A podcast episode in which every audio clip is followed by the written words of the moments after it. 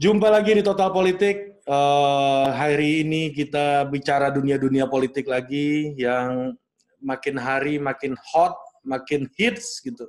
Dan gue udah kedatangan political content creator lagi dan salah satu yang paling hits, yang paling berpengaruh gitu pikiran-pikirannya, pandangan-pandangannya dan gue udah membaca lama sekali tulisannya dulu soal Timur Tengah, ini orang pasti punya. Ya kalau menurut gue ya sebagai seorang yang tidak punya image akademisi dan analis, tulisannya tajam sekali. Gitu. Terserah hmm. lu mau berpandangan kayak apa. Gue uh, persilahkan, please welcome Bang Denny Siregar.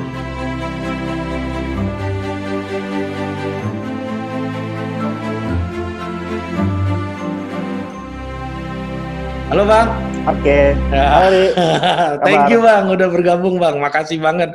Ya gue dari ya. dari dulu cuma lihat-lihat jauh gitu, akhirnya bertatapan lah lewat zoom ini kita. Hmm. Nah, jadi bang, pandemi pandemi ini ada ada sisi positifnya juga berarti ya. ya? Uh, jarak mendekatkan kita. Ya. bang, ini bang. Ah. Lu kan dibilang buzzer. Hmm. Ah banyak lah yang bilang lu buzzer, buzzer, buzzer RP. Rupiah. Ya tuh nah, ya. Kalau gua buzzer pakai dolar. buzzer. Nah, gimana Bang pandangan lu buzzer ini apa sih sebenarnya dan menurut lu, lu termasuk itu apa gimana sih? Gue juga ini yang mau meluruskan juga nih pandangan terutama untuk diri gue sendiri lah paling enggak gitu. Nah, jadi yang harus dibedakan definisi buzzer itu apa dulu ya kan? Buzzer itu kan sebenarnya kalau diartikan itu kan pendengung ya, seperti lembah. Hmm. Jadi hmm. dia mengeho, mengehokan sebuah pesan. Itu buzzer, ngebuzz. Gitu. Hmm. Nah, buzzer ini rata-rata adalah akun-akun yang tidak punya follower. Jadi satu orang beternak akun banyak, hmm. ya kan? Hmm. Jadi ketika ada pesan, tolong dong, uh, lu suarakan ini dia kemudian membuat dia kemudian mengaktifkan akun-akunnya yang biasanya followernya cuma satu dua nggak hmm. banyak lah. Ya kan? Supaya kemudian bergaung ke mana-mana. Dan biasanya mainnya mainannya itu di tagar. Tagar supaya menaikkan trending. Hmm. yang gue juga nggak ngerti ini tagar ini sekarang uh, mungkin 2014 oke okay lah ya tagar tapi hmm. sekarang ini tagar itu fungsinya apa gitu kan? Gue juga nggak paham. Nah, itu buzzer. Hmm. itu buzzer. Kalau dibilang itu buzzer rupiah gue setuju Hmm. Ya, karena rata-rata orang yang mempunyai mem, berternak akun berarti dia mencoba mengkapitalisasi akunnya ini untuk keuntungannya pribadi. Yeah. It's okay, ya kan? Berarti tuduhan orang itu benar. Tetapi di atas buzzer itu ada yang namanya influencer. Hmm. Influencer itu adalah akun-akun yang mempunyai banyak follower. Hmm. Influencer ini banyak, bukan cuma gua. Ada Jerings, ada ADMS, hmm. Ya kan, ada macam-macam, ya kan. Yang mereka itu sebenarnya lebih kepada menyuarakan sesuatu sesuai dengan apa yang mereka pikirkan, ya kan, tanpa terikat uh, hubungan-hubungan atau pesan-pesan, kan begitu. Biasanya yang sebut influencer ini lebih kepada independen, karena independensi dia itulah dia menjadi mempunyai banyak follower. Karena biasanya orang mengikuti seseorang itu bukan karena uh, apa uh, itu lebih kepada karena apa yang dia pikirkan itu sesuai dengan gua ataupun kontra hmm. sama gua. Yang gue banget gitu ya. Benar yang gue banget. Nah, hmm. bedanya buzzer sama influencer itu di sana. Influencer apakah ada yang dibayar? Ya bisa juga ada, ya kan. Hmm. Tetapi ketika kemudian dia dibayar, misalnya, ya dia mengemas sesuatu itu bukan sekedar menggaungkan, hmm. tetapi menyampaikan sesuatu dengan apa yang dia pikirkan dengan gayanya dia, misalnya, hmm. karena gitu. Tetapi lebih banyak yang gue tahu teman-teman influencer itu banyak kan independen. Mereka hmm. sudah punya penghasilan sendiri, ya mereka sudah merdeka, ya kan mereka hmm. hari-hari mereka itu sebenarnya lebih kepada menjadikan media sosial sebagai sebuah alat untuk menyampaikan apa yang gue pikirkan, bukan sebagai sebuah alat untuk jualan. Hmm. Beda dengan bazar. Kalau bazar memang dia beternak akun, memang untuk untuk jualan untuk mendapatkan pendapatan dan biasanya pendapatan mereka rata-rata dari bazar itu. Hmm, ya maksudnya mereka. cyber army cyber army itu ya maksudnya ya. Ya betul. Entah ada yang dibayar pakai pulsa lah ya tuh. Ada yang dibayar per satu tagar itu sekian kan gitu tuh. Hmm. Dan kalau uh, gue cuma satu HP aja. Apa? Satu HP? Oh iya. Kalau buzzer itu biasanya mereka punya peralatan banyak, gitu. Oh. Karena mereka punya akun banyak. Kalau gue dengan satu HP aja gue ke mana-mana. Ya, berarti lu tahu lah ya bang, yang punya banyak HP itu ya. Berarti gue harus cu harus curigai nih orang yang punya banyak HP nih mulai sekarang nih. Antara dua utangnya banyak gitu. Jadi nomornya ganti-ganti. Iya, nomornya ganti-ganti. nah, bang, uh, hmm. lu sendiri uh, nah pas pilpres gitu ya misalnya, uh, lu melihat hmm. apa namanya ya kita terfragmentasi lah dalam echo chambernya masing-masing gitu ya. Hmm. Dan banyak orang-orang yang mengagumi lu juga gitu dalam dalam pilpres kemarin gitu jadi salah satu tokoh yang dianggap uh, apa namanya dianggap mewarnai lah bang waktu kemarin kan hmm. dan hmm. lu merasa nggak sih ada lu melihat situasi hari ini ada luka, masih ada rasa rasa uh, emosional gitu ya. Lu ada perasaan berdosa nggak dengan situasi itu berkontribusi terhadap kenyataan tersebut gitu sebagai influencer, Bang? berdosa di mananya? Gua nggak melakukan, gua nggak mencuri ya tuh, gua nggak fitnah, gua nggak apa, itu berdosa dari mananya? Orang kalau berdosa, merasa berdosa itu kan karena dia melakukan perbuatan salah hmm. ya kan? Dalam artian dia memang sengaja merancang sebuah perbuatan salah untuk kepentingan pribadinya. Itu pasti hmm. ada feeling guilty itu pasti ada. Hmm. Nah, gue sejak tahun 2009, gue bermain ketika itu pertama kali di Facebook. Hmm.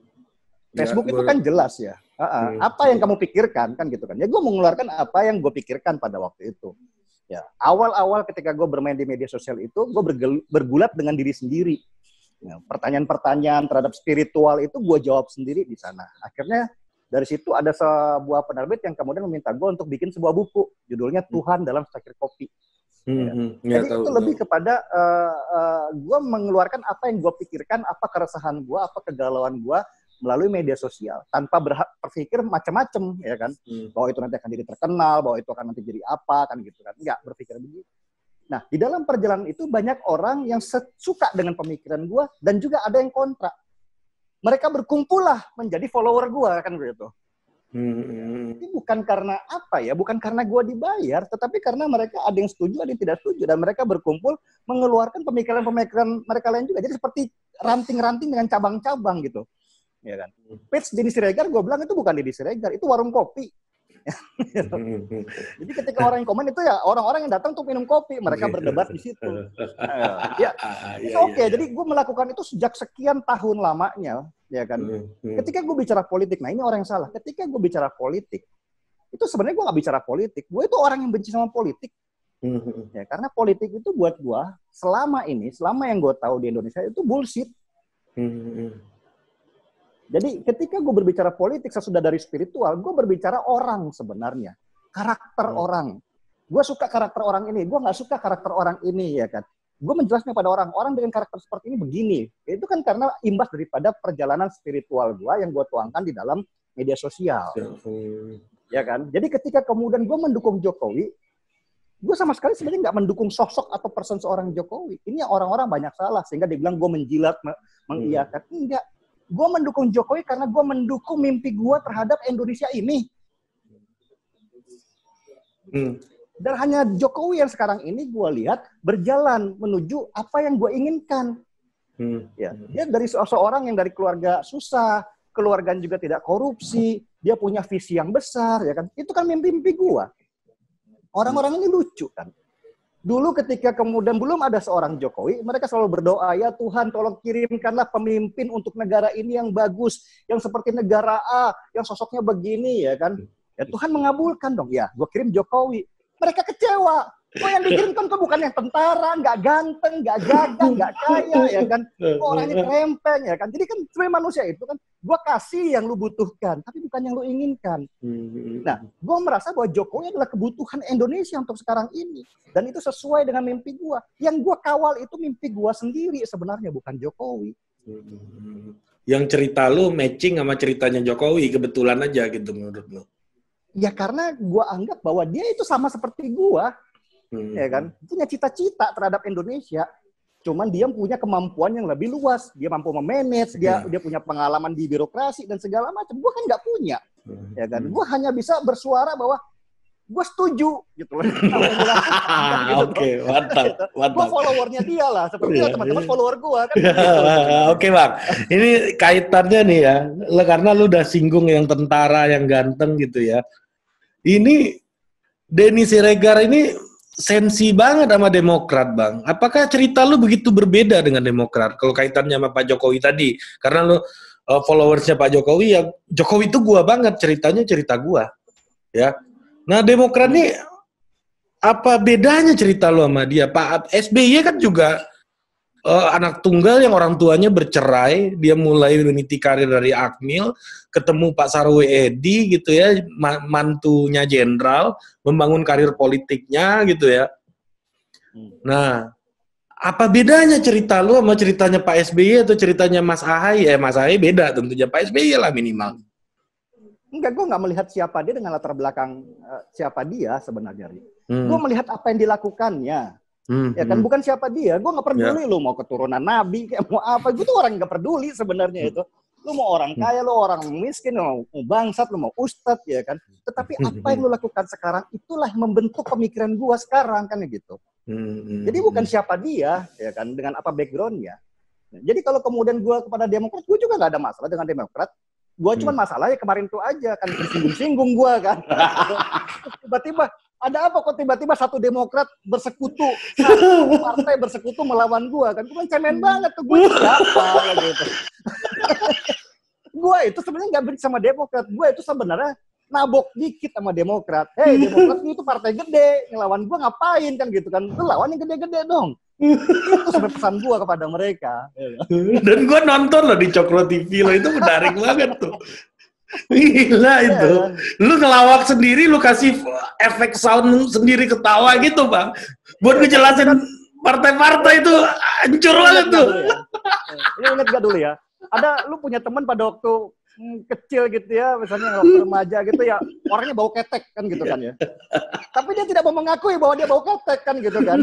Ngindar-ngindar terus. Sungkan. Ah, orang juga sungkan mau ngomong, eh lu bau tuh kan gitu kan. Dan gua tuh orang nggak bisa begitu. Eh lu bau dong, lu pakai parfum dong kan gitu kan. Oh, baik. Kalau perlu lu beliin parfum ya. Ah, kalau perlu gue beliin parfum kan gitu kan. Maksudnya itu baik. Cuman kan orang yang diomong itu kan belum tentu terima, Ri. Gitu. itu buat gue buat kebaikan sebenarnya. Bentar, aku nyalain lampu dulu. Iya. ini seru ini.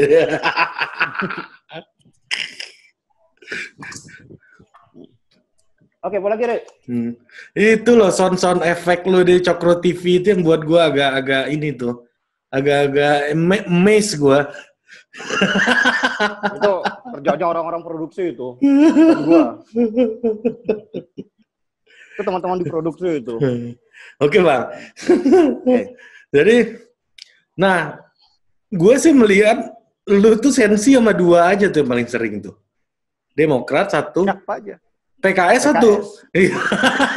Loh, enggak, PKS itu itu orang yang salah juga ya. PKS yeah. itu buat gue penuh kebaikan kan gitu kan. Yeah, dia yeah. itu kompas, dia itu penunjuk, Ri.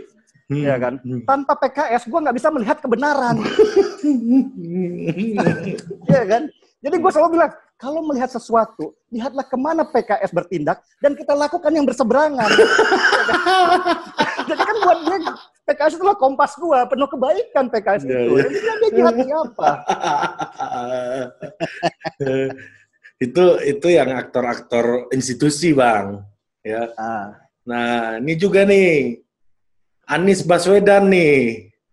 Hmm. Ya, Anies Baswedan ini gue ngelihat lu punya gue punya kesan gini gue nonton Batman bang Batman itu ah. kan anak kaya anak orang kaya biasa aja gitu ya yang rajin hmm. nge-gym gitu kan kebetulan hmm. punya teknologi teknologi punya rumah bagus dia punya mobil gitu ya punya mobil hmm. keren gitu Batman hmm. jadi keren gara-gara musuhnya keren Joker gitu hmm. Hmm. hmm. nah gue sih punya kesan ini ya ya hmm Denny Siregar milih musuh keren aja nih Anis nih. Biar dia jadi keren pansos juga gitu loh. Gitu.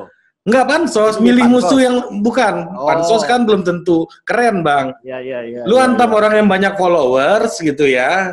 Banyak followers. Terus uh, lu pansos gitu. Kayak gua malu sekarang nih pansos nih. Ah. gitu. Tapi nah, kan pansos positif itu. kalau kayak Anies kan dia PhD, dia punya Indonesia mengajar, tenun kebangsaan, ngomongnya tertata gitu kan. Uh, sang, dari muda itu udah AFS berprestasi gitu loh. Hmm. Okay. Ini orang-orang keren bang, gitu loh. Buat buat buat, buat anak anak muda milenial kayak gue ini, ya cita-citanya salah satunya jadi Anies Baswedan. Nah, Betul. sekeren itu dan Denny Siregar hantam ini biar ikut keren juga gitu loh. Enggak, gue bilang sebenarnya gini loh, gini loh. Ini kan kayak gini nih. Ini tuh udah keren lo sebenarnya ya. Apa sih yang kurang dari lo? Background lo, pendidikan lo, kemampuan otak lo, dan itu lo keren. Nah sekarang kerja yang lebih keren, kan gitu kok. Maksud gue kan begitu, Ri. Ya, Gue mendorong dia untuk bekerja lebih keren, ya kan. Karena memang semua tidak ada manusia yang sempurna, gitu. Maksud gue, gue mendorong memberikan masukan-masukan positif kepada dia tentu dengan gaya Denis Regar dong ya kan, oh, iya. dengan gaya, gaya gaya para pendukungnya dong kan ya. Karena begini, teman yang baik bukan selalu menjadi teman yang selalu memuji orang. Iya. Kan dulu lu, dulu lu kan temenan sama Pak Anies kan? Iya kan gue iya. temenan sama dia. Eh, lu kerja dong yang benar, jangan cuma ngomong doang. Kan begitu maksud hmm, gua. Hmm, hmm. Cuman dengan gaya Batak. Kan iya, gitu. iya, iya. itu, itu seperti kalau, tadi itulah. Kita kalau Bang, orang, kalau Bang Ade Armando silat Padang, dia silat harimau kan? Ah, iya, gaya, Padang dia. Ya. Halus, ya, tenang, ya kan? Tapi mencabik-cabik. Iya, silat harimau dia tuh udah. ya kan? Oh, Jadi kan okay. gitu. Terus ya, ya gara-gara ya, kerjanya aja. Analogi-analogi itu tadi lah, bahwa misalnya ada teman bawa ketiak, ya kan? Lu hmm. mau muji-mujiin teman bawa ketiak itu, oh lu harum, kan nggak bisa dong, itu. Hmm Lu Tapi kan keren. kan Anies keren, Bang. Iya, keren. Apanya yang menurut lu nggak keren dari Pak Anies gitu loh? Personalnya keren gua, gitu. Gua menambah kekerenannya. gua mendorong dia untuk menambah kekerenannya dengan bekerja yang lebih keren. Kan gitu. Apa yang gua. hancur dari Pak Anies, Bang, menurut lu, Bang? Ya paling fundamental lah. Paling fundamental lah. Gini, gini, sebenarnya nggak hancur ya, karena ya. buat gua orang itu punya spesialisasi masing-masing. Hmm. Ya toh. Ada yang memang uh, diciptakan untuk uh, punya kemampuan manajemen. Kayak gua nih, gua bukan orang manajemen jelas, ya. gua seniman. Ya. Ya toh. Gua disuruh mimpin perusahaan, hancur dan gua udah, udah lakukan bolak balik ya. Gak bisa, gua nggak tegaan orangnya ya toh. Ya kan, Pak Denny, gue boleh gini-gini, ya udah deh. Asbon dong. Kan gitu, nggak bisa. Nah, Anies ini tipikal seorang pemikir, hmm. ya kan? Tipikal seorang yang penuh dengan teori, tipikal seorang dosen, tipikal hmm. seorang akademisi. Tapi ketika seorang akademisi diberikan pekerjaan eksekusi, itu belum tentu dia bisa, ya kan? Hmm. Nah, Anies mencoba memaksakan dirinya masuk ke tempat yang sebenarnya dia nggak mampu. Buat gue begitu ya. Hmm. Dia memaksakan dirinya ke sana. Gue dorong dia. Kalau lu nggak mampu, ayo lu harus buktikan lu mampu. Ya bekerja dong. Nah, cuman kan ada orang tipikal yang mencoba membuktikannya dengan bekerja lebih baik hmm. atau menutupi kelemahannya hmm. dengan berbahasa lebih indah. Pak Anies yang nah, kedua menurut lu nih. Uh, ah, gue punya tipikal-tipikal pegawai kayak gitu. Ketika gue lihat kerjaan lu jelek, gitu. Gitu, Pak, alasannya banyak, ya. Alasannya itu dari A sampai Z, alasan semua kan gitu. Hmm. kata, nah, maksud gue, kalau lu pengen hebat, ya tuh, Jangan bentengi diri lu dengan alasan-alasan. Akui kalau lu salah, perbaiki kesalahan itu. Lu pasti akan naik setingkat demi setingkat. Kan begitu maksud. Maksud gua baik kok. Iya. Serius nggak gua nih? Iya, iya. Benar, benar, Sangat inspiratif. Tenun kebangsaan, Bang. Dan lu merasa nggak sih Pak Anies itu memelihara umpatan Denny Siregar ini agar dia tetap relevan terus, Bang? Mungkin aja ya, mungkin juga dia tidak melihat ya. Hmm. Karena begini, orang kalau sudah terlalu sering dipuji oleh sekitarnya, dia kadang-kadang kupingnya ditutup. Hmm. Ya kan dari kritikan uh, orang-orang lain apalagi dianggap orang nggak penting. Itu kelemahan manusiawi lah buat gua. Gue kalau dipuji tiap hari juga, wah dia ini keren, wah dia ini meskipun gue jelek gitu ya, akhirnya gue nganggap wah diri gue keren kan gitu tuh. ya, itu seperti ingat nggak cerita tentang seorang uh, uh, raja, raja kita, ya. kita dulu, Aceh ya, Anderson, raja yang kemudian dibilang baju ya toh. Ya, ya sebenarnya nggak pakai baju. Raja. Uh, ya. Orang satu desanya satu itu ngomong wah keren, malah anak kecil yang ngomong lu kok telanjang? Iya. itu, Ri. Satu lagi bang, influencer yang lu suka sengit juga di Twitter nih gue lihat. Ya. Apa itu? Ada orang yang namanya Rocky Gerung bang. lu lu kan harusnya lu kenal kan orang ini gitu loh. Bukan, enggak, gue bukan sengit ya sama iya. dia. Gini deh. Lu bahagia betul akunnya di blok gitu loh. Akunnya hilang tuh kayaknya. Bahagia lah. gue bukan kemudian ketika kemudian gue follow dia, gue prestasi, gue di blok sama orang itu prestasi. Ri. Kayak gini lah, kita berdua nih ya, yeah. bukan dalam tahap diskusi nih, kita berdua debat nih, hmm. ya kan. Dan untuk menghajar lu supaya lu nggak banyak ngomong, hmm. gue tinggal bilang lu, alah lu dungu lu. Lu suka nggak sih digituin? Enggak, enggak, enggak. Itu apa? Perdebatan kita artinya apa kalau lu dungu-dunguin gua ya kan? Semua kata-kata lu sifatnya sudah sudah bermain person ya kan. Sudah bermain uh, tidak di dalam tataran pemikiran. Kalau kata kata kata Rocky kan dungu itu gagal nalar katanya dia akan membangun persepsi sendiri, ya kan, istilah istilahnya sendiri. Ya,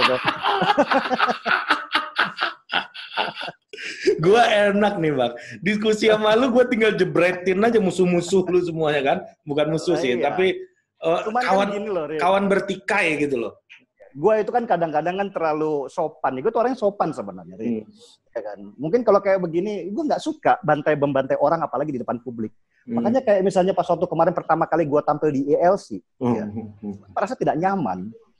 Gitu. Gue bukannya tidak mau tampil di TV, tapi gue nggak nyaman dengan itu ELC. Gue bilang bukan ruang diskusi, itu ruang hmm. tinju, ting tinju itu. Iya kan? Bang Karni don don kingnya ya. Nah, iya, siapa yang mengumpul duluan dia yang menang. Gitu. Nah, gue nggak bisa begitu. Gue modal gue halus, gue sopan gitu loh. Untuk nggak yeah, iya, iya. apalagi menyerang orang dengan dengan apa? Dengan kata-kata dungu, dengan kata-kata nggak suka gue buat gue itu bukan lawan diskusi gitu loh. Itu, Rik. Ini menarik Bang. Ya. Dan ya, jadi eh, kalau kita lihat nih, Bang, ya kalau lu kan sekarang memang eh, ngelihat gimana sih lu lihat politik Indonesia ke depan nih?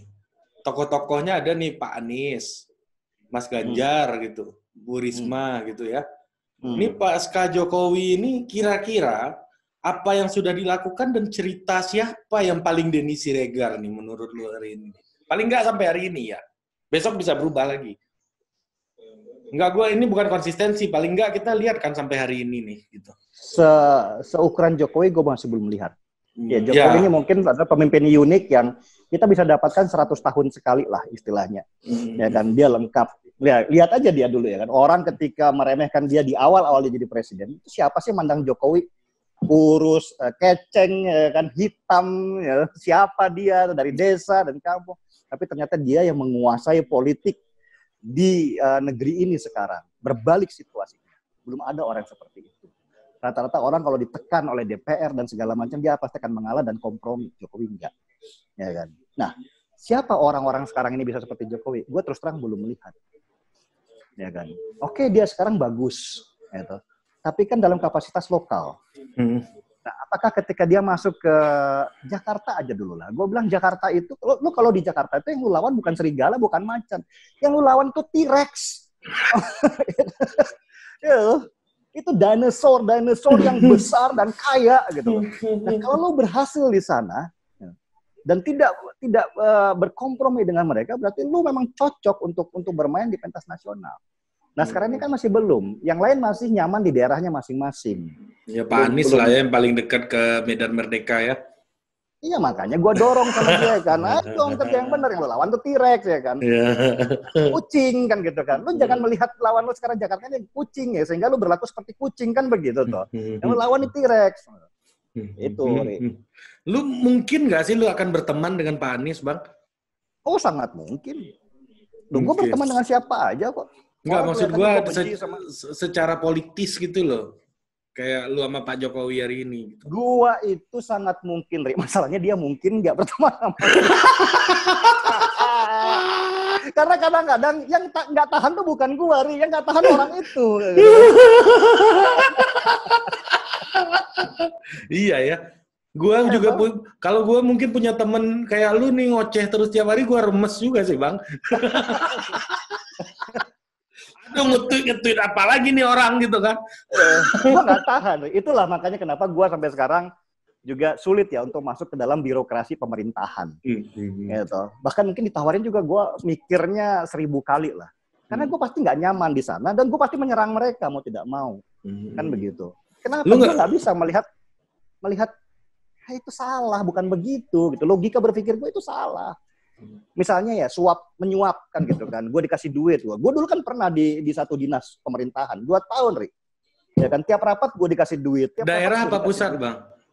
Daerah, Oh daerah oke. daerah. Tiap rapat dikasih duit, tiap rapat dikasih. Gue sampai bilang ini duit dari mana kan gitu kan? Buat apa?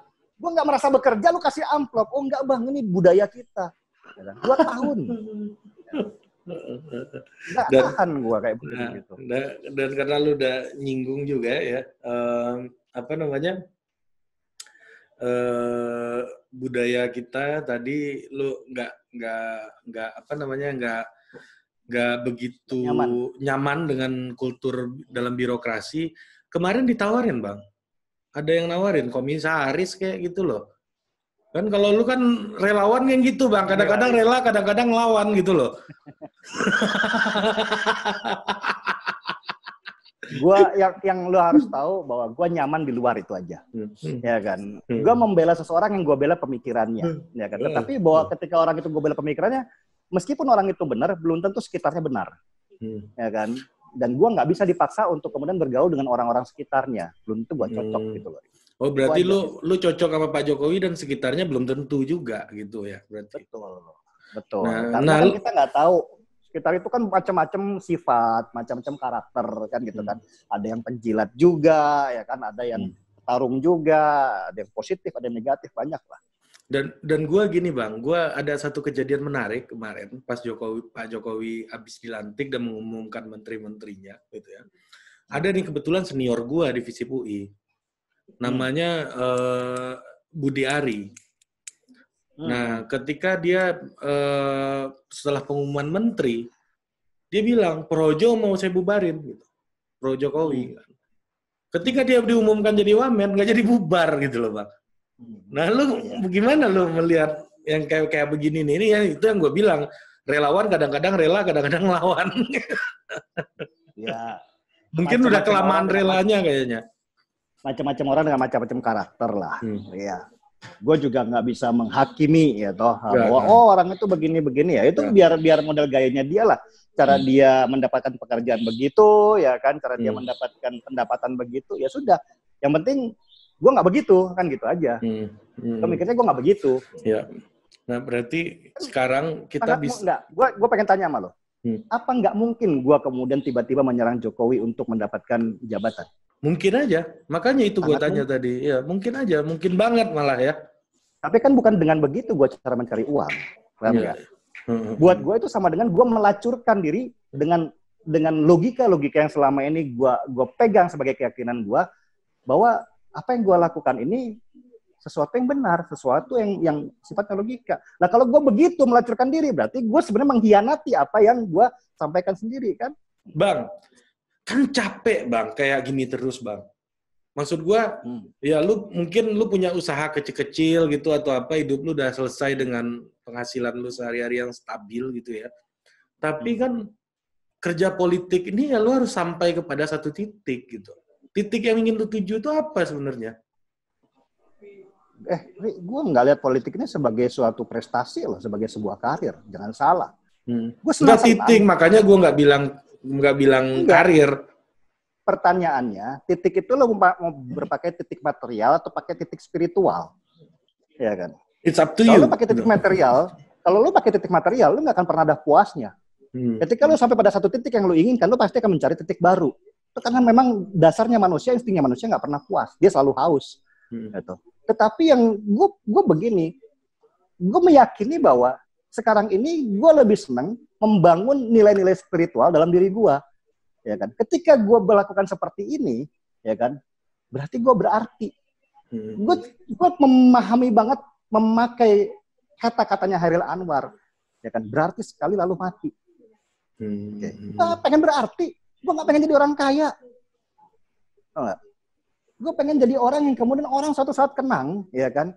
Ketika gue melakukan perlawanan kepada orang radikal, ya. Orang kaya tuh banyak, mati juga nggak ditangisin. Oh. gue pengen kayak Glenn, Glenn Fredly, gue pengen kayak Didi Kempot yang meninggal tuh orang itu nangis, tau nggak? Karena dia punya karya, karena dia punya sesuatu, bukan karena kekayaannya. Paham? Ya, nah, orang um. tidak paham, orang selalu mengukur sesuatu itu dengan materi, dengan kekayaan, ya kan berapa yang lu dapat, buzzer RP, ya kan dia tidak pernah mengerti nilai-nilai spiritual yang diyakini oleh seseorang. Bahwa tidak semua orang membutuhkan material berlebih. Karena kekayaan sejati manusia itu paling besar, itu hanyalah rasa cukup. Itu udah cukup buat gua gitu. Hmm. Gua cukup dengan apa yang ada sekarang. Nah selebihnya gue baktikan diri gue untuk sesuatu yang lebih besar. Untuk mimpi-mimpi gue untuk nilai-nilai spiritual gue. Yang salah di mana? Yang salah adalah tidak semua orang bisa memahami seperti ini. Akhirnya mereka mengukur sesuatu dengan dirinya sendiri. Dapat apa, Den? Gitu. Gue bilang orang yang selalu bertanya dapat apa, dia sesungguhnya selalu menanyakan itu dengan ya dengan tangan meminta. Hmm. Ya. Makanya gue nggak pernah minta pekerjaan pun gue nggak pernah minta. Hmm.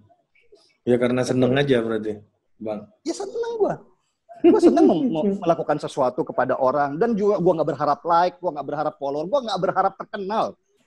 Gue nggak pernah hmm. promo tentang diri gue yang promo itu sebenarnya malah demokrat ya Kiflan Zen yang promo tentang gue kan gitu. Hmm. mereka yang promosikan gue bukan gue yang promo diri sendiri. Tengku Zulkarnain kan?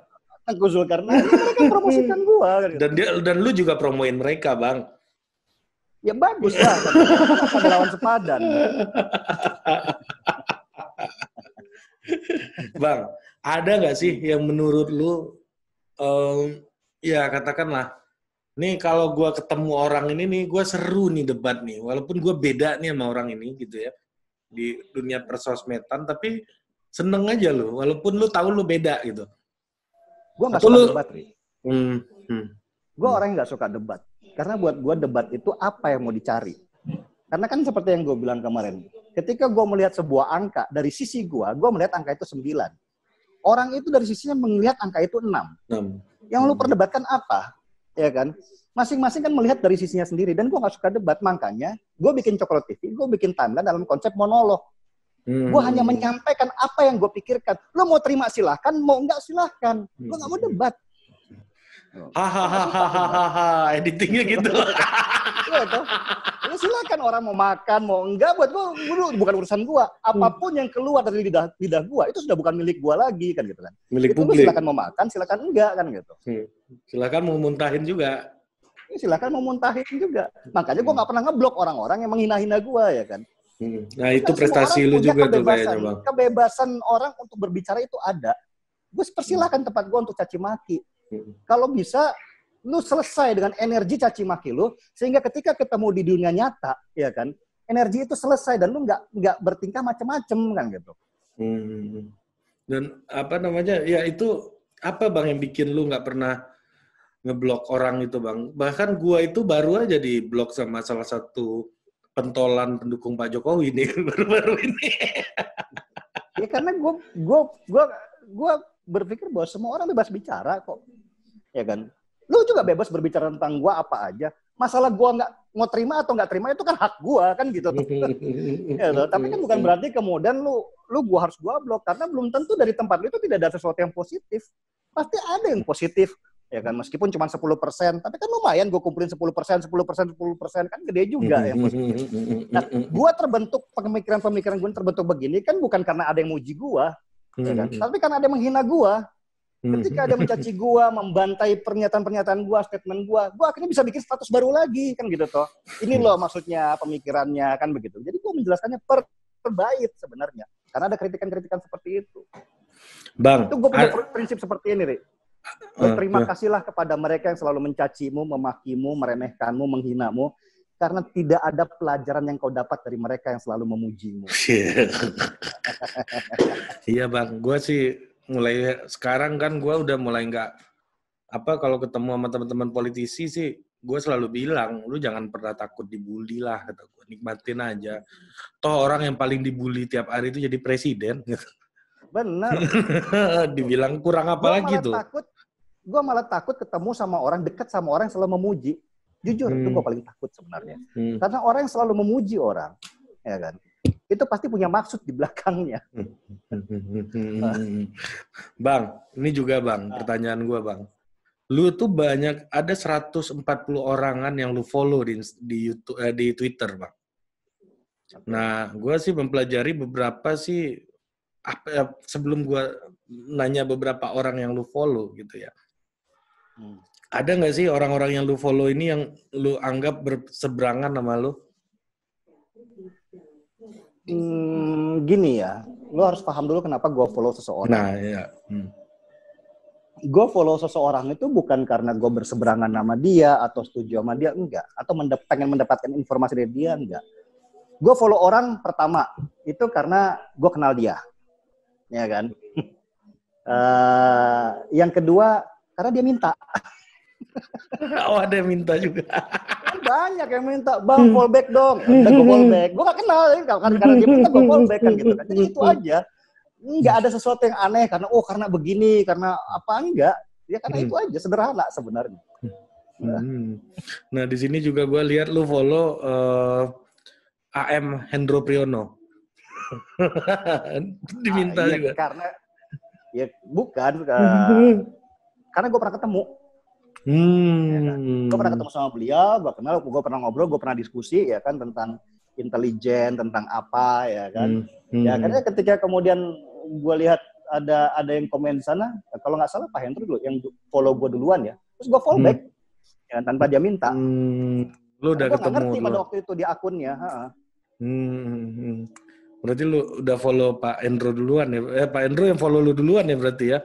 Iya, karena kan gue nggak ngerti akunnya apa, Rin. Hmm. Iya, dan gue lihat sih, Bang. Maksud gue nggak lagi interogasi lu ya, Bang ya. Gue lagi gak diskusi. Apa -apa, interogasi juga. nggak apa-apa. Nah, jadi gue sih melihatnya juga begini, Bang. Apa namanya? Ya, lu punya data-data intelijen yang cukup bagus sih menurut gue. Itu gimana, Bang, lu dapat aksesnya tuh, Bang? Gaul lah, ya kan. Kalau kita gaul, kita punya banyak. Makanya itu Davi, gue nggak pernah menutup telinga gue dari hal apa pun.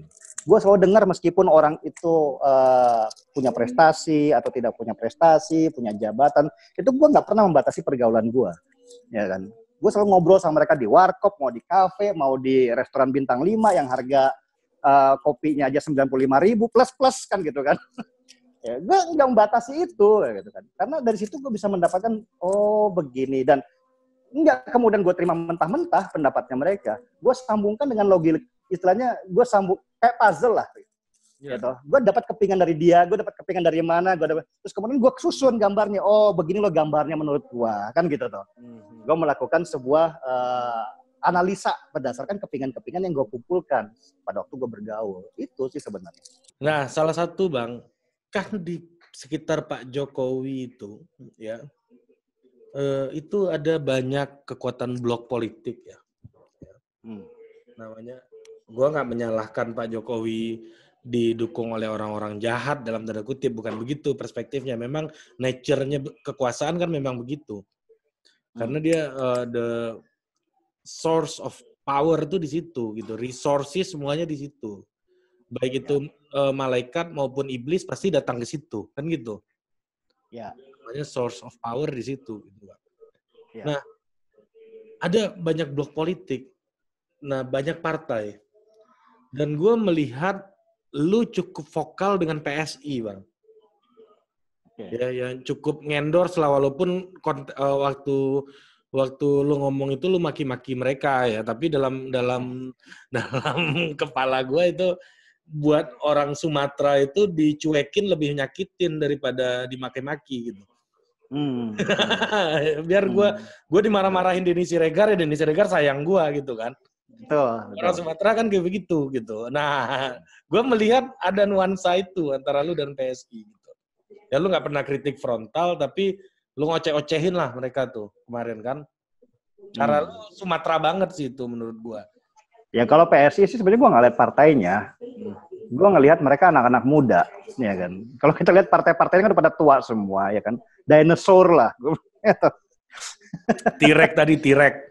Iya, pola-pola pemikir mereka juga masih pola-pola pemikiran lama, ya kan? Yang hmm. mereka bawa untuk ini ya dengan gaya-gaya lama, konservatif banget, ya kan? Gaya-gaya hmm. orba dan segala. Hmm. Dan gue tuh sebenarnya mendorong kepada anak-anak muda itu untuk melakukan perubahan, gitu. Gue tuh pengennya mereka ada di parlemen, ada di mana supaya yang bisa merubah negara ini mereka kok. Itu bukan orang-orang yang tua-tua sekarang ini, gitu. Orang-orang tua ini sifatnya apa yang menurut menjaga. menurut lu membuat lu yakin gitu loh, Bang? Kan mereka experience nggak ada, duit nggak seberapa gitu kan, pasti lebih mudah orang nggak punya duit kan cenderung mudah tergoda gitu loh bang. Iya kan beginilah, untuk melakukan langkah besar itu kan semua orang harus mulai dari langkah kecil, hmm. ya toh. Tetapi ketika langkah kecil aja nggak ada yang support, ya kan, bagaimana mereka bisa melakukan langkah besar? Hmm. Itu aja buat gua. Gua lebih kepada support karena mereka tidak banyak yang support. Hmm, karena mereka mereka. Ya mereka masih muda mereka nggak punya pengalaman. Kalau gitu jatuhkan mereka ke sana biar mereka cari jalan pengalamannya mereka sendiri kan begitu? Ya. karena semua orang itu kan belajar dari kesalahan. Kalau dia hancur boleh lu maki-maki nanti gitu ya. Nah kalau kemudian dia tidak ada di situ bagaimana dia bisa berbuat? Bagaimana gue bisa maki-maki dia kalau dia nggak ada di situ ya toh hmm. itu aja sebenarnya gue kan maki-maki dia kalau di situ Ketika hmm. lu berbicara A di luar dan ketika lu masuk ternyata lu bicara Y, ya kan, gue pasti akan maki-maki lu. Sama seperti ketika gue berbicara pada yang partai-partai lainnya misalnya. Hmm.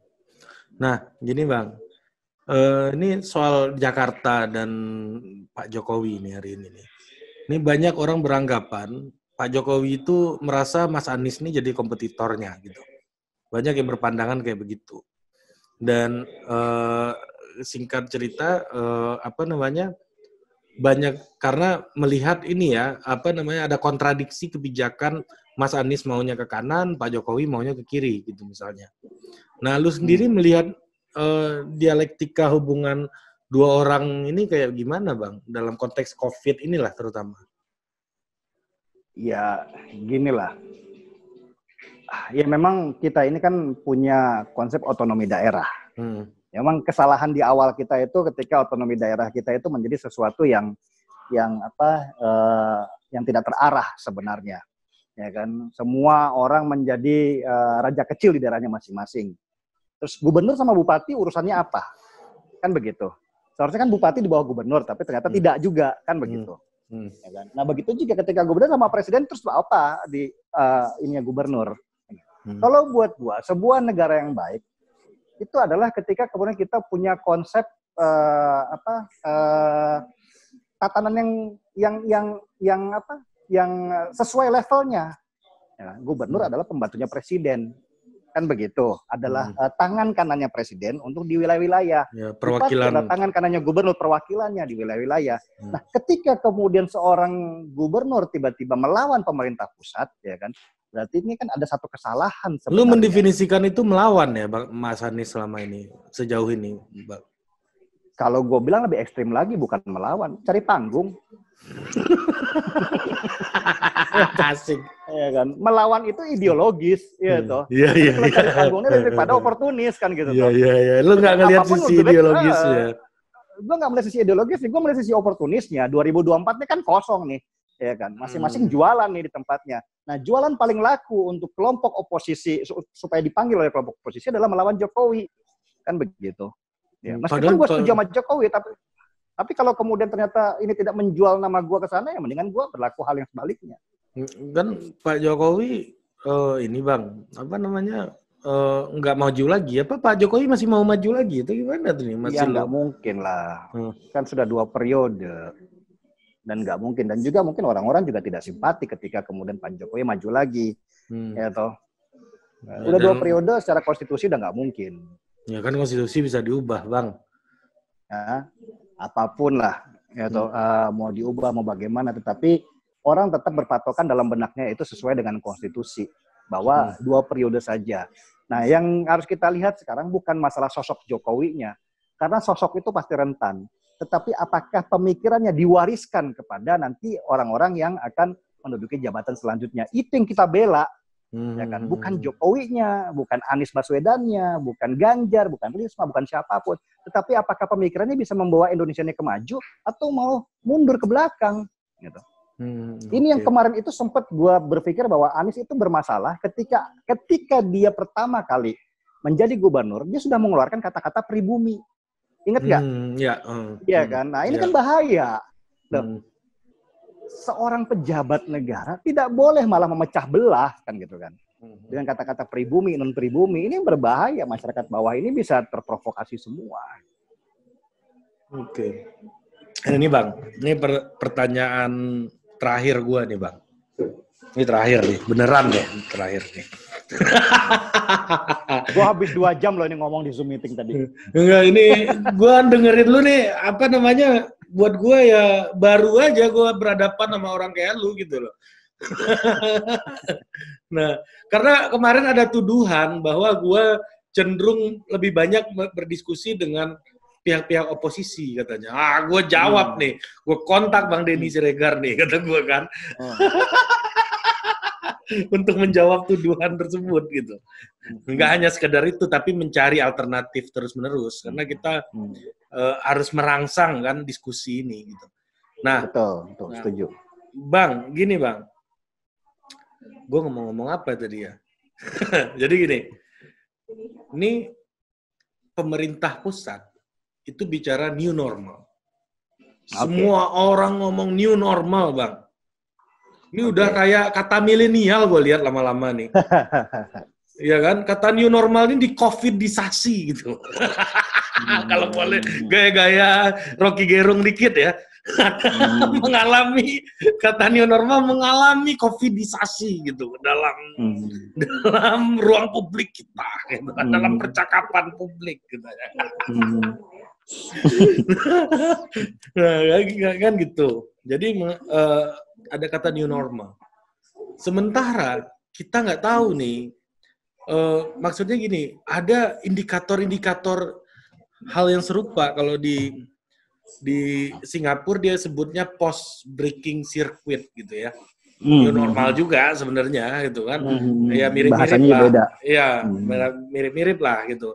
Menurutmu uh, apa namanya konteks pemerintah pusat melakukan new normal ini udah udah lebih dari uh, udah ada judgement yang tepat gitu ya. Kalaupun kalau tepat hmm. seperti apa atau jadi jargon kayak kata milenial yang kehilangan tuannya hmm. gitu loh, yang kehilangan hmm. maknanya gitu. Kalau kata Shakespeare ini kan begini, apalah arti sebuah nama kan begitu. ya kan? Mau cari nama apa pun sebenarnya uh, di zaman Shakespeare belum ada haki, Bang. nama belum daftarin waktu itu ya gue nggak bisa menjudge masalah nama ya. Karena ya itu tadi gue bilang kadang-kadang kan pemerintahan kita ini juga pemerintahan diisi oleh orang-orang tua gitu mereka mencoba menjadi milenial meskipun ternyata milenial juga nggak terima mereka. Berarti lu ya ya lanjut bang. Ya. Nah, ada ada bahasa-bahasa yang nggak cocok dengan anak-anak sekarang kan gitu kan. Hmm. ya wajar kalau lu protes nih normal. Gue juga nggak pernah bahas new normal kan gitu tapi gue mengerti esensinya. Ya. paham nggak? Yang gue pahami adalah esensinya. Bulan Juni ini para pengusaha yang uh, para pengusaha yang punya kontribusi besar terhadap ekonomi Indonesia itu sudah bilang bahwa kalau bulan Juni ini kita tidak buka lagi ekonomi kita, kami mengibarkan bendera putih. Dan ketika mereka begitu, Agustus itu diprediksi akan terjadi PHK besar-besaran di seluruh negeri ini. Ya kan? Dan ketika PHK itu terjadi, maka yang terjadi yang ke depannya kemungkinan paling besar itu adalah uh, gesekan uh, sosial, ya kan? Gerakan-gerakan eh, sosial karena orang lapar. Ini berbahaya sebenarnya. Contoh sekarang ini, pesawat ini sudah bolak-balik cancel, ya kan penerbangannya, Lion dan segala macam udah cancel. Nah, ketika mereka tidak terbang saja, pesawat uh, perusahaan maskapai ini kan dia harus menanggung bayar parkir uh, karyawan-karyawannya biaya parkir dan segala macam. Nah, ketika mereka bangkrut, sekarang ini kita didominasi oleh dua maskapai besar, Garuda Group Malayan. dan Lion Group.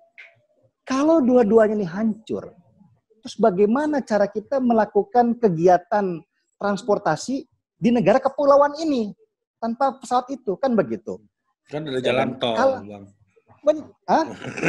Kalau lu jalan tol kan cuma sekitar Jawa doang gitu. lu mau ke Sulawesi pakai jalan tol kan nggak bisa juga kan gitu kan. Bercanda bang. Jadi kan Dalam artian sebenarnya itu yang yang gue taruh di dalam Twitter. Mazhab lu sekarang mazhab kesehatan atau mazhab ekonomi? Hmm. Kan begitu. Hmm. Kalau lu seperti sekarang kesehatan, ekonomi. Mau tidak mau sebenarnya bukan karena gua mau, bukan hmm. karena gue punya mazhab itu, tetapi karena situasinya seperti itu. Lah, kalau kemudian Juni ini kita nggak mulai membuka diri kembali dengan bahasa apa pun lah, mau new normal, mau new kids on the block, mau apa ya kan. Yang penting adalah kita sudah mulai lagi bergerak secara ekonomi. Hmm. Kalau nggak bahaya, kalau nggak bahaya. Ketika kemudian pabrik-pabrik sudah mulai PHK, itu akan sangat mungkin sekali dari luar itu masuk, ya kan, dari negara asing itu masuk untuk melakukan propaganda, untuk melakukan brainwashing, untuk memberontak kepada negara. Kalau itu terjadi, yang rugi kita semua. Namanya orang lapar mau diapain? Kan begitu, Rik. Hmm. Yang berbahaya begitu. Makanya gue pernah nulis, Corona ini, COVID-19 ini adalah gempa. Tetapi orang hanya sibuk di gempanya. Orang nggak tahu bahwa tsunami-nya itu adalah ekonomi, resesi. Nah kita lebih ngeri di gempanya sekarang ini atau ketika tsunami ini datang ya kan? Udah dong, selesai gempanya. Kita sekarang bangun, membangun benteng-benteng supaya kita bisa menahan, meredam. Kita nggak mungkin nggak kena dampaknya, kita pasti kena dampaknya. Meredam tsunami ini supaya jangan menghancurkan lebih luas, kan begitu. Ini yang dilakukan sekarang. Kalau ya. masa kesehatan esensi, fokus ke, ke kesehatannya gitu maksud lo? Iya, kalau, kalau kesehatan, kesehatan kan cuma, wah begini, begini ya kan. Ya, ginilah. COVID-19 ini kenapa ribut? Gitu karena sebenarnya banyak menimpa kelas menengah, menengah atas. Iya. Iya kan? Hmm, Sehingga mereka meributkan kena. segala uh, insecure, ya kan? Hmm. Mereka yang tadinya secure dengan dirinya menjadi insecure. Padahal sebenarnya kalau mau dilihat penyakit di Indonesia itu paling besar apa sih? Hmm. Ada DBD, DBD ya kan, ya. berdarah, Ram. ada TBC. Ribut nggak kita? ISPA. Karena yang menimpa ah, orang-orang susah, hmm. kan begitu. Karena menimpa orang-orang susah. Nah, orang-orang yang punya pendapatan, orang-orang yang masih aman ini tidak ingin keluar kenyamanannya, keamanannya ketika mereka keluar dan mereka terkena COVID. Tetapi kan orang-orang miskin ini kan nggak seperti COVID. Ada penyakit, ada ada yang lebih berbahaya dari mereka dari sekedar COVID. Perut lapar, ya kan? Eksistensi dirinya, anak-anak kok makan apa? Kan gitu kan. Ini yang tidak dipikirkan banyak orang bahwa ini harus dilakukan karena situasinya yang mengharuskan. Hmm, negara nggak punya uang. Bukan masalah negara nggak punya uang. Masalahnya uang ini buat dibuat apa? Ketika kita punya uang, Ri, lu kalau pengen usaha, lu kan pasti harus punya cadangan. Iya kan? Kalau punya cadangan, seandainya ada apa-apa, cadangan ini baru keluar. Hmm. Jangan kemudian nggak punya, bukan kemudian negara nggak punya uang. Gue yakin negara juga masih punya uang. Pertanyaan cuma sampai berapa lama dan jangan sampai ini dipakai kalau bisa. Karena ini cadangan kita kalau kemudian ada bencana yang lebih besar daripada COVID. Hmm. Kan begitu. Cadangan hmm. ini harus keluar. Kalau kita nggak punya cadangan sama sekali, kita bisa dijual negara kita ke negara lain. Oke gitu. bang. Oke bang.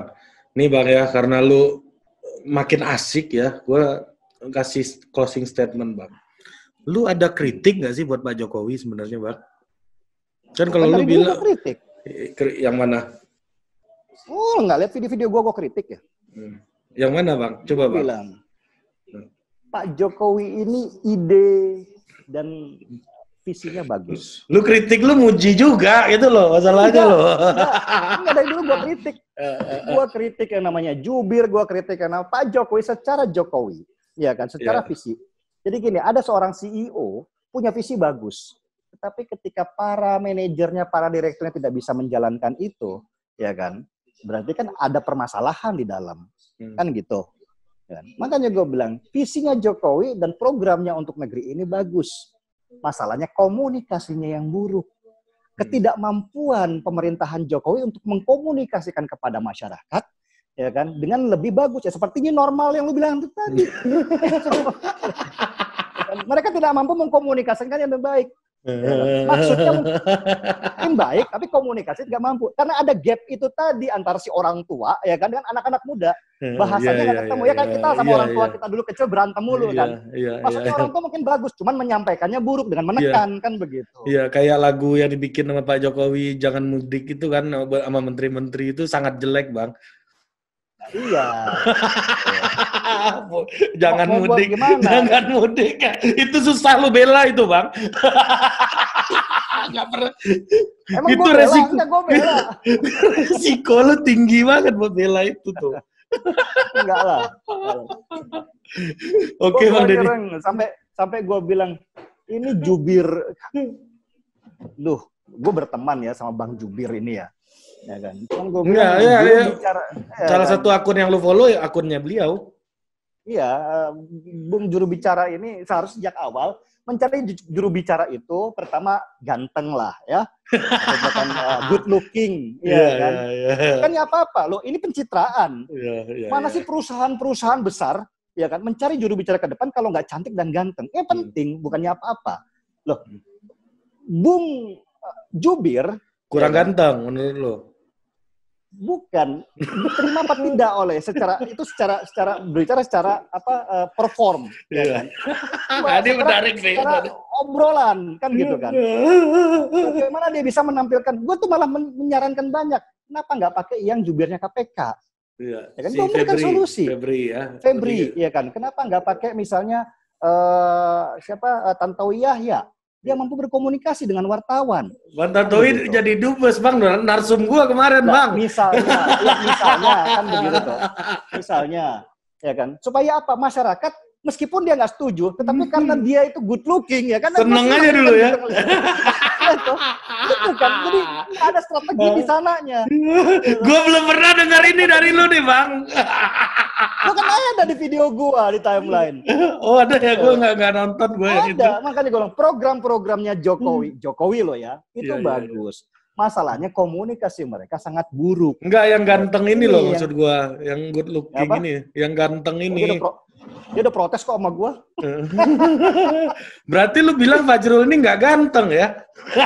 ganteng itu relatif ya kan tetapi yang gue bilang adalah orang yang bisa diterima ya kan Iya iya. banyak orang Iya. kan gitu kan Ganteng menurut bentuk persepsi persepsi persepsi umum orang lah. banyak Ya. ya kalau buat gua dia sangat ganteng gitu.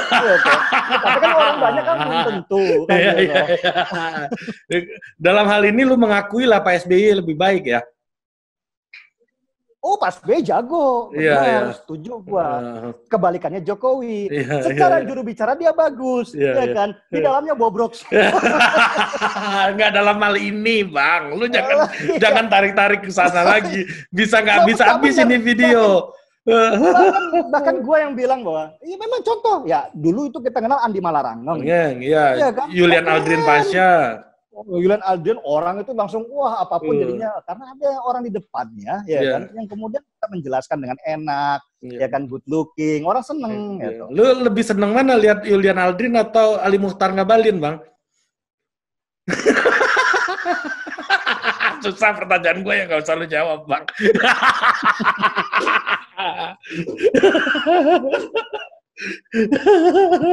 Oke, Bang Denny Siregar. Makasih banyak, Bang. Itu nggak usah lu jawab.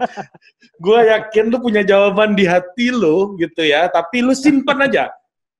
Ya, lu, Iya. lu, kan gini lu- lah ada lu simpan baik-baik gitu. gue nggak setuju sebenarnya Nah, ada banyak yang gue nggak setuju tapi juga nggak perlu gue ungkapin Iya. lu simpan baik-baik, Bang. Lu kalau kata orang kampung gua di dihina dihino manuangan gitu. Diingat-ingat, ditimbang-timbang jelang tidur gitu. Mungkin itu tiap hari berubah tuh, dinamis tuh. Gue kalau diingetin begitu gue cuma bilang gini sama orang-orang Ri. Gak ada yang sempurna.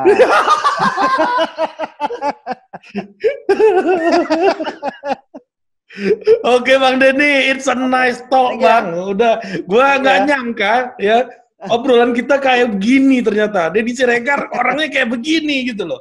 Gue itu agak takut ngontak lu Bang. Gue pernah ketemu sama lu di, di gedungnya Cokro itu gue kebetulan ketemu orang.